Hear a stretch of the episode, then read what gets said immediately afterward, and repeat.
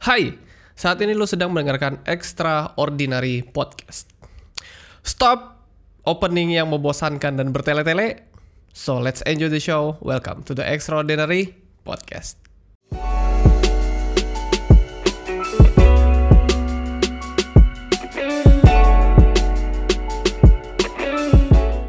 Halo para pendengar, gimana kabarnya? Kata pertama yang mau gue ucapkan adalah Yes, gua kembali. iya sih bener, gue tuh udah lama banget sebenarnya nggak bikin uh, konten ini gitu ya. Ini memang gue pengen bangun, tapi karena gue jalanin bisnis dan kantor gue lagi banyak banget kerjaan sampai berbulan-bulan, akhirnya konten ini terbengkalai. Tapi suatu saat gue tuh gue pernah uh, pengen coba ngeliat gitu ya progres konten gue tuh seperti apa sebenarnya gitu. Akhirnya gue buka Anchor, dan ternyata konten ini sudah ada yang mendengarkan sebanyak 66 kali. Itu appreciate loh buat gue. Sedangkan gue tuh orang biasa yang gue bukan siapa-siapa gitu ya. Tapi ternyata konten ini ada yang mendengarkan sampai diputar 66 kali. 66 tuh sekarang jadi angka uh, keberuntungan buat gue. Jangan salah ya, 66 bukan 69. Itu artinya beda. Oke, okay uh, akhirnya gue memutuskan untuk gue memproduksi lagi uh, konten-konten karena ternyata ada yang mendengarkan dan gue mau mengapresiasi orang-orang yang mendengarkan konten gue. Jadi untuk selanjutnya gue mau coba berkonsisten kembali, doain gue supaya benar-benar tetap konsisten. nah untuk merayakan kembalinya gue di project ini, uh, gue tuh akhirnya coba uh, riset lagi ya, kira-kira perusahaan apa yang mau gue coba uh, bedah gitu ya cerita extraordinary apa yang mau gue coba mulai setelah gue agak vakum uh, agak lama gitu. Dan akhirnya karena gue juga uh, mengupload konten gue ini di Spotify jadi akhirnya gue coba mengulik beberapa cerita yang uh, ada di Spotify. Dan ternyata cukup menarik sebenarnya ya. Ada beberapa cerita-cerita yang uh, mau gue angkat mau gue bagi. Jadi gue memutuskan untuk oke okay, untuk konten yang berikutnya di episode 6, gue akan coba mengulik sejarah dan cerita di balik Spotify. So, this is it. The Extraordinary Podcast, The Extraordinary Apps from Spotify. Let's start it.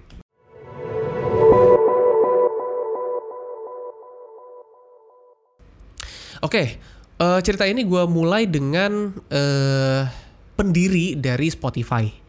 Pendiri dari Spotify itu ada dua orang. Yang pertama namanya Daniel Ike, kemudian yang kedua adalah Martin Lorenzen. Nah ternyata kalau penggagasnya sendiri sebenarnya adalah yang bernama Daniel tadi gitu.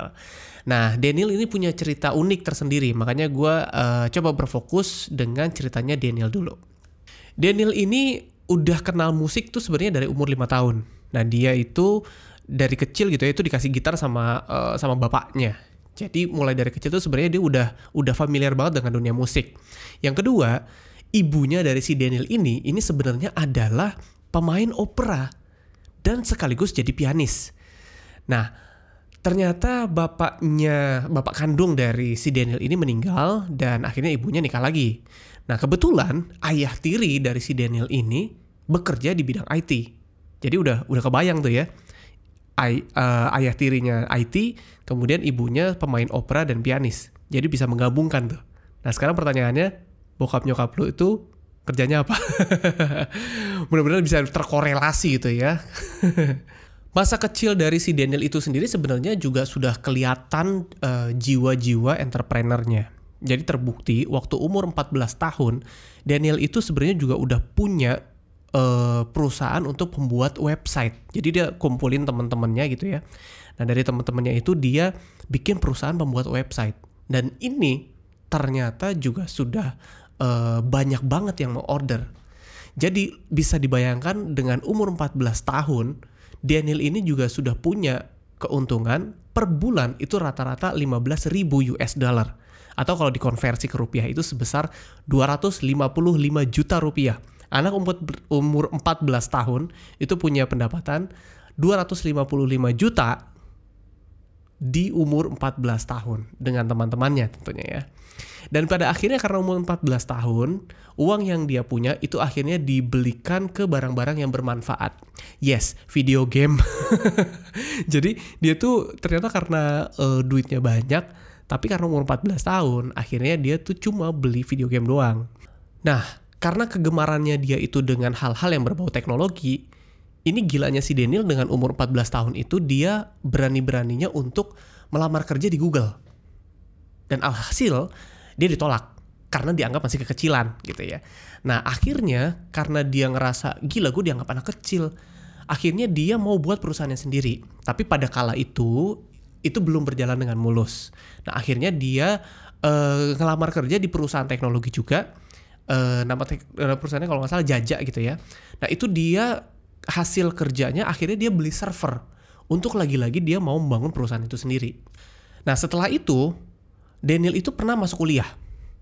Nah kuliah yang dia masukin, lu percaya berapa lama dia kuliah? Dia itu kuliah 8 semester, enggak. Bukan 8 semester, tapi 8 minggu. dia cuma kuliah 8 minggu.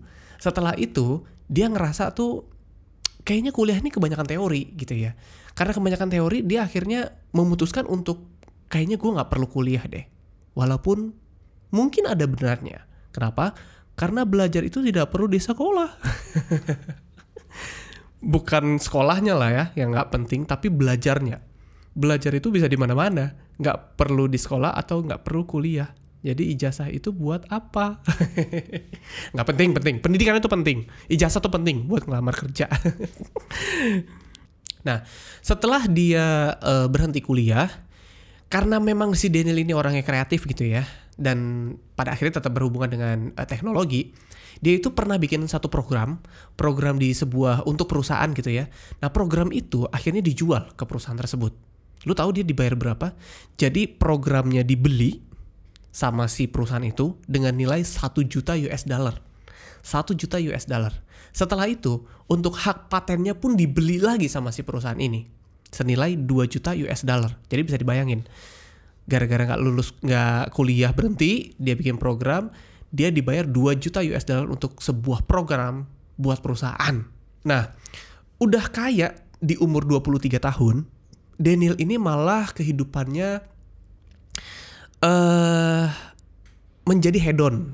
Jadi sering foya-foya, bersenang-senang aja gitu. Dan terbukti dia ketika dia udah punya uh, uang banyak gitu ya, dia beli apartemen sekaligus tiga, dia beli tiga apartemen dan dia juga sekaligus beli mobil Ferrari. Nah, karena saking seringnya dia foya-foya, ternyata dia menemukan satu titik jenuh gitu loh. Orang udah punya duit, udah punya harta, tapi dia kayak ngerasa kosong. Kenapa? Karena walaupun dia punya banyak uang, tapi nggak ada cewek yang mau sama dia gitu loh. Itu yang jadi pertanyaan. Karena memang cuman cewek matre doang yang mau kenal sama dia. Nah karena saking kebingungan dan dia udah punya titik jenuh dengan kehidupan hedonismenya dia itu, Daniel itu akhirnya memutuskan untuk uh, oke deh gue jual aja deh rumah gue apartemen gue.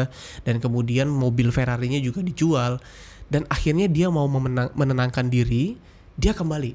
Dia pulang ke rumah ibunya. Nah di situ dia akhirnya memed dia meditasi lagi merenungkan lagi sebenarnya tujuan hidup gue ini tuh mau apa gitu. Nah ketika dia di dia balik lagi ke rumah ibunya dia akhirnya ngambil gitar lagi dia ambil gitar, kemudian dia mainkan gitarnya lagi, sampai ada satu titik di mana pada dasarnya dia itu menyenangi musik, gitu loh. Dia menyenangi musik dan dia juga menyenangi dunia teknologi. Pertanyaannya adalah karena gue suka dua hal ini, kenapa gue nggak gabungkan aja, gitu loh. Nah akhirnya dari niat itu dia coba kontak salah satu temennya dengan uh, yang bernama Martin Lorenzen yang mana sebenarnya Martin Lorenzen ini dipilih untuk menjadi partnernya Daniel karena Martin Lorenzen itu sebenarnya adalah uh, pernah bekerja di Silicon Valley dan pada saat itu pas banget momentumnya Martin Lawrence juga keluar karena dia juga kebingungan akan hidupnya. Nah dari situ mereka janjian untuk bertemu dan merancang sesuatu. Oke, okay, uh, eh, Daniel sama Martin ini udah ketemu. Kemudian si Daniel itu menceritakan kegelisahannya dia gue tuh sebenarnya udah capek hidup dengan uh, gaya hidup yang mewah dan lain-lain gitu gue tuh pengen lagi pengen coba uh, membuat sesuatu yang bener-bener gue senangin gitu Yaitu apa? Yaitu dunia musik dan dunia teknologi. Nah, akhirnya dia mereka ngobrol dengan uh, dengan si Martin dan dia ngobrol sama Martin dan pada akhirnya menemukan uh, sebuah kegelisahan lain yaitu di mana pada saat itu pada saat itu tuh banyak banget banyak banget pembajakan-pembajakan lagu gitu lah. Jadi banyak banget uh, lagu-lagu yang dibajak di internet uh, yang mana tuh bener-bener liar banget. Bukan cuma di negara-negara tertentu tapi di seluruh dunia. Jadi bisa kebayang berapa banyak lagu hasil pembajakan yang nggak pernah dibagi kepada talent dan produser dan lain sebagainya yang semua berkecimpung. Nah dari situ akhirnya mau coba nih, mau coba buat skema gimana caranya label musik bekerja sama dengan aplikasi yang nantinya orang tuh bisa denger gratis loh, tapi dia tetap dapat bayaran gitu. Nah ada satu hal yang lucu ya, ada satu hal yang lucu di mana si uh, Daniel sama Martin ini mau coba kita bikin namanya apa gitu. Akhirnya mereka tuh bener-bener cara cara nyari nama sebuah aplikasi ini itu tuh uh, udah asal sebut aja deh gitu. Terus akhirnya disebutnya gini, ya udah uh, lu dulu uh, buka lapak udah ada, Tokopedia udah ada, uh, Lazada udah ada. nggak gitu ya. Tapi bener-bener nyari nama-nama yang bener-bener uh, random banget yang akhirnya itu nanti akan dipilih. Nah satu saat si Martin tuh nyebutin nama gitu loh. Nyebutin nama yang kedengeran sama si Daniel itu adalah Spotify. Jadi gini si Martin tuh bilang e, uh, uh, apa ya uh, ini aja uh, Spotify. Ah bagus tuh Spotify bagus tuh. Kata Martin e, emang gue ngomong apa tadi? Eh itu itu bagus tuh itu uh, apa sih gue ngomong apa? Gue ngomong terus akhirnya si Daniel Spotify kan? Spotify. Itu bagus itu bagus gitu. Nah akhirnya dari situ mereka mau coba bikin ya udah akronimnya kita coba uh, benerin lagi deh. Spotify. Uh, akronim dari spot yaitu titik dan identify dari uh, menemukan. Jadi ini filosofinya adalah Spotify. Spot yang mengidentify di mana titik ini adalah mengidentify atau menemukan semua pemusik-pemusik yang bisa dicari oleh semua pendengar. Jadi namanya adalah Spotify. Dan akhirnya Spotify ini mulai dibangun di tahun 2006 di kotanya si Daniel, Stockholm, Swedia. Jadi Spotify itu sebenarnya berasal dari Swedia. Uh, eh, 2006 mereka bangun dan pada akhirnya diluncurkan pertama kali itu di tahun 2008 di aplikasi yang berbasis dengan laptop atau komputer. Nah, ini gue punya beberapa data-data untuk uh, merangkum bagaimana perkembangan uh, Spotify mulai dari didirikan kemudian sampai dengan saat ini. Jadi gini, di tahun 2008 Spotify itu mulai resmi di uh, di launching gitu ya. 2008 itu di launching dengan skema itu gratis. Nah, tapi itu memang baru adanya melalui cuman di laptop aja gitu. Dan mereka akhirnya berhasil untuk menggandeng beberapa label-label musik gitu ya. Jadi, eh label-label musik lu taruh dong uh, lu taruh lagu-lagunya di Spotify kemudian orang tuh bisa dengerin nggak perlu mereka membajak lagi tapi lu tetap akan dapat bagian gitu nah dari situ mereka udah mulai banyak ada beberapa label musik yang masuk dan mau bekerja sama sehingga itu sudah bisa dinikmati di beberapa kalangan gitu. Nah tahun 2009 ternyata ada kontroversi gitu. Ya, ya kita tahu bersama lah ya. Jadi nggak nggak akan selalu mulus gitu. Perjalanan sebuah usaha itu nggak akan terlalu mulus. Kenapa? Karena tahun 2009 itu uh, banyak cacat-cacat uh, keamanan. Jadi misalkan salah satunya gini, kalau lu seandainya memang mau masuk dan mau coba dengerin uh, di Spotify, itu tuh lu harus uh, isi data-data dulu gitu ya. Kayak kalau lu harus punya akun lu isi data nama terus uh, alamat alamat email nomor telepon nomor sepatu nama mantan nama selingkuhan. Yeah. enggak enggak enggak. Jadi beberapa data-data itu uh, diminta. Tapi lucunya adalah salah satu data yang paling uh, pribadi itu juga diminta seperti nomor rekening gitu loh. Nomor rekening ternyata ini uh, sebuah data yang kayaknya nggak perlu tapi lu kenapa minta gitu loh. Nah jadi itu banyak banyak banget uh, komplain dari penggunanya itu sendiri gitu loh. Nah gimana cara mengatasinya? Pada akhirnya tahun 2010 Spotify itu dapat suntikan dana dari founder fund. Nah setelah mereka dapat dana, mereka baru ngeberesin bener-bener ngebenerin skema dan sistem yang dia punya. Di antaranya salah satunya itu tadi.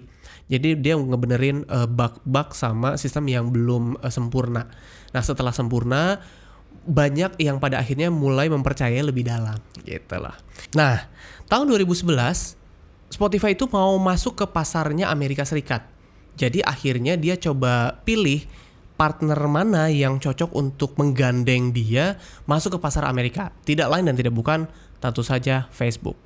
Nah, jadi dia menggandeng Facebook untuk masuk ke pasar Amerika dan ternyata bener aja, boom, Spotify masuk ke Amerika dengan mudahnya dan langsung pesat banget penggunanya. Nah, tahun 2012 akhirnya akhirnya Spotify itu meluncurkan aplikasi Spotify untuk pengguna smartphone. Dan setelah momentum ini, akhirnya banyak banget yang menggunakan Spotify karena saking mudahnya untuk penggunaan melalui smartphone-nya mereka gitu. Nah, lagi-lagi tahun 2014 Spotify ini juga mengalami uh, isu besar gitu ya. Isunya ini pada akhirnya bukan terkait kepada uh, pengguna. Kalau tahun 2009 tadi kan pengguna yang mengalami uh, uh, apa namanya kerugian. Nah, kalau tahun 2014 isunya ini justru datang dari label music dan talent itu sendiri. Kenapa? Jadi gini, tahun 2014 itu ada beberapa talent-talent yang merasa gila ya Spotify itu ngasih kita tuh uh, dikit banget loh katanya gitu. Hasil yang dia kasih ke talent, kemudian produser, kemudian uh, beberapa pihak-pihak yang bekerja sama untuk membuat sebuah lagu, ini pembagiannya kayaknya dirasa kurang gitu. Nah akhirnya ada beberapa nama-nama besar seperti Tom York dan Taylor Swift itu akhirnya memutuskan untuk berpisah dengan Spotify ya udah gue nggak mau lagi masukin karya gue di Spotify karena gue nganggap karya gue tuh di dibilang atau dihargai dengan murah gitu akhirnya mereka keluar gitu ya nah terus gimana cara cara mereka untuk uh, mengatasinya mereka benar-benar pendekatan lagi gitu loh mereka pendekatan lagi dan mereka menunjukkan lagi bahwa sebenarnya gini dengan adanya Spotify itu sangat fair banget sangat fair banget Kenapa? Coba deh lu, lu logikain. Kalau seandainya karya lu itu dibajak sama orang, sama pendengar, sama pengguna, itu mereka akan mendapatkan karya lu dengan gratis. Kemudian pertanyaannya lu dibayar atau enggak? Enggak. Sama sekali nol. Nol rupiah, nol dolar nol rupiah nol apa lagi jadi lu sama sekali nggak dibayar kalau seandainya orang tuh membajak nah kalau dengan Spotify Spotify itu tetap akan membayar lu walaupun nilainya kecil tapi tetap akan ada apresiasi yang dibayarkan make sense sih. Make sense. Bener juga gitu loh. Nah pada akhirnya eh, nggak uh, lama setelah itu Spotify berhasil meyakinkan lagi kepada talent-talent dan label musik untuk bekerja sama lagi dan akhirnya saat ini sudah banyak banget yang uh, bekerja sama dan bisa memasukin lagu-lagunya mereka ke Spotify dan saat ini tuh salah satu platform yang kayaknya wajib lah ya wajib dimasukin untuk label musik tuh lagu-lagu talent-talentnya tuh dimasukin ke Spotify itu kayaknya menu wajib sekarang. Nah tahun 2016 sampai dengan tahun 2020 pengguna Spotify itu bener-bener secara signifikan tuh makin lama makin naik, naik, naik, naik, naik, dan naik. Terbukti ya, uh, total pengguna bulanan itu meningkat sekitar 289 sampai dengan 299 juta pengguna. Sedangkan pelanggan premiumnya itu meningkat menjadi 133 sampai 138 juta pada kuartal 1 di tahun 2020.